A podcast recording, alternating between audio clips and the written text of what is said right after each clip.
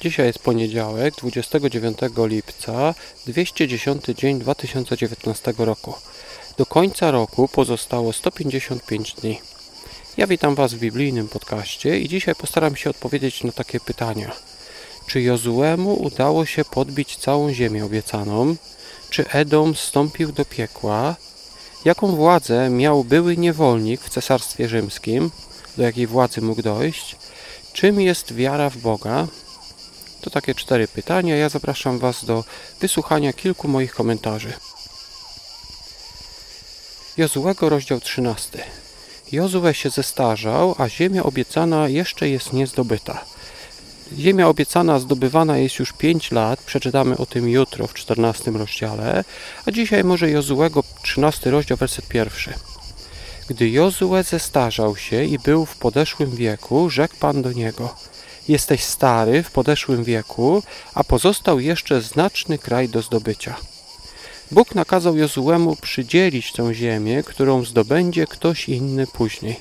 W rozdziale 13 przypomniano właśnie, jaką ziemię dostali Rubenici, Gadyci oraz połowa plemienia Manasesa po drugiej stronie Jordanu. A od jutra, od 14 rozdziału będziemy czytać, jaką ziemię zaczęły dostawać różne plemiona. Izajasza, rozdział 34. Kara, która spadnie na Edom. Ten rozdział mówi właśnie o karze, która ma spaść na Edom. Kilka wersetów w starszych Bibliach, gdybyśmy czytali ten rozdział, czyli Izajasza 34 rozdział, była przetłumaczona w ten sposób, że czytającemu mogło wydawać się, że Edom stąpił bezpośrednio do piekła. Na przykład werset 9 mówił o smole i siarce, a werset 14 mówi o dzikich zwierzętach, o takich kozłowatych kształtach. Zobaczmy, Izajasza 34:14. Zdziczałe psy spotkają się z hienami i kozły będą się przyzywać wzajemnie. Co więcej, tam Lilit przycupnie i znajdzie sobie zaciszę na spoczynek. Kontekst jednak wskazuje na to, że Edom będzie bezludny i zamieszkają tam różne dzikie zwierzęta, na przykład właśnie dzikie kozły. Z kolei ziemia będzie jakby wypalona siarką, co uniemożliwi ponowne zasiedlenie. Tak więc ten rozdział nie mówi o stąpieniu na piekła, ten rozdział mówi o wyludnieniu, o całkowitym wyludnieniu. Dzieje apostolskie, rozdział 24. Paweł mówi Feliksowi i jego żonie Druzyli o panowaniu nad sobą, czyli wstrzemięźliwości oraz o nadchodzącym sądzie. To chyba wystraszyło właśnie Feliksa i za chwileczkę może powiemy sobie o nich więcej. Na razie może tylko taka informacja, że Druzyla rozwiodła się ze swoim mężem i poślubiła Feliksa wbrew prawu mojżeszowemu. Dzieje apostolskie 24-25 mówi tak. Lecz kiedy Paweł mówił o sprawiedliwości i o wstrzemięźliwości i o przyszłym sądzie, Felix przestraszony odpowiedział: Teraz możesz odejść, gdy znajdę czas, wezmę cię znowu. Felix był ciekawą postacią. Był on jednym z trzech wyzwoleńców cesarza Klaudiusza. Gdy cesarz Klaudiusz został właśnie Cezarem, został cesarzem, jego trzej wyzwoleńcy, w tym właśnie Felix, zaczęli rządzić Imperium Rzymskim. Przyznawali sobie różne wysokie pozycje i właśnie Felix dostał y, jedną z pozycji, y, którą właśnie piastował i w związku z tym właśnie sądził y, tutaj apostoła Pawła.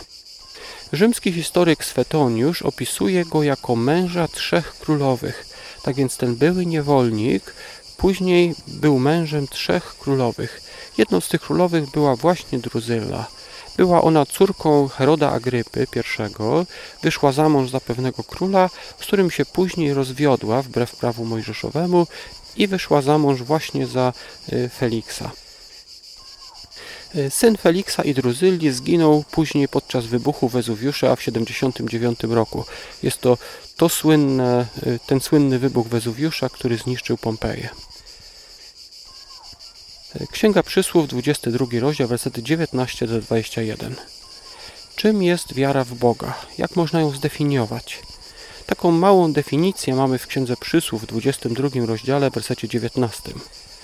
Byś ufność swą w Panu pokładał, chcę wskazać Ci dzisiaj Twoją drogę. Wiara to inaczej mówiąc jest to ufność. Ufność w Boga, w Jego obietnice, Wiara to cierpliwe właśnie i ufne czekanie na Boże wybawienie. ale w tym wersecie nazwano je także drogą.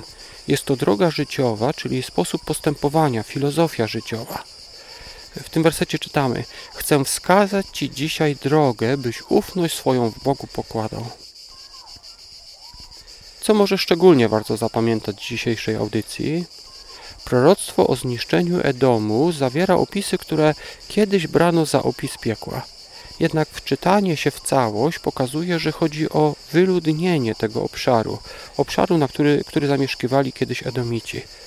To przypomina nam, żeby nie wyciągać pochopnych wniosków, jak czytamy Biblię, ale dokładnie przeczytać sąsiednie wersety i zastanowić się, y, o czym to wszystko mówi. Na dziś to wszystko. Do usłyszenia do jutra.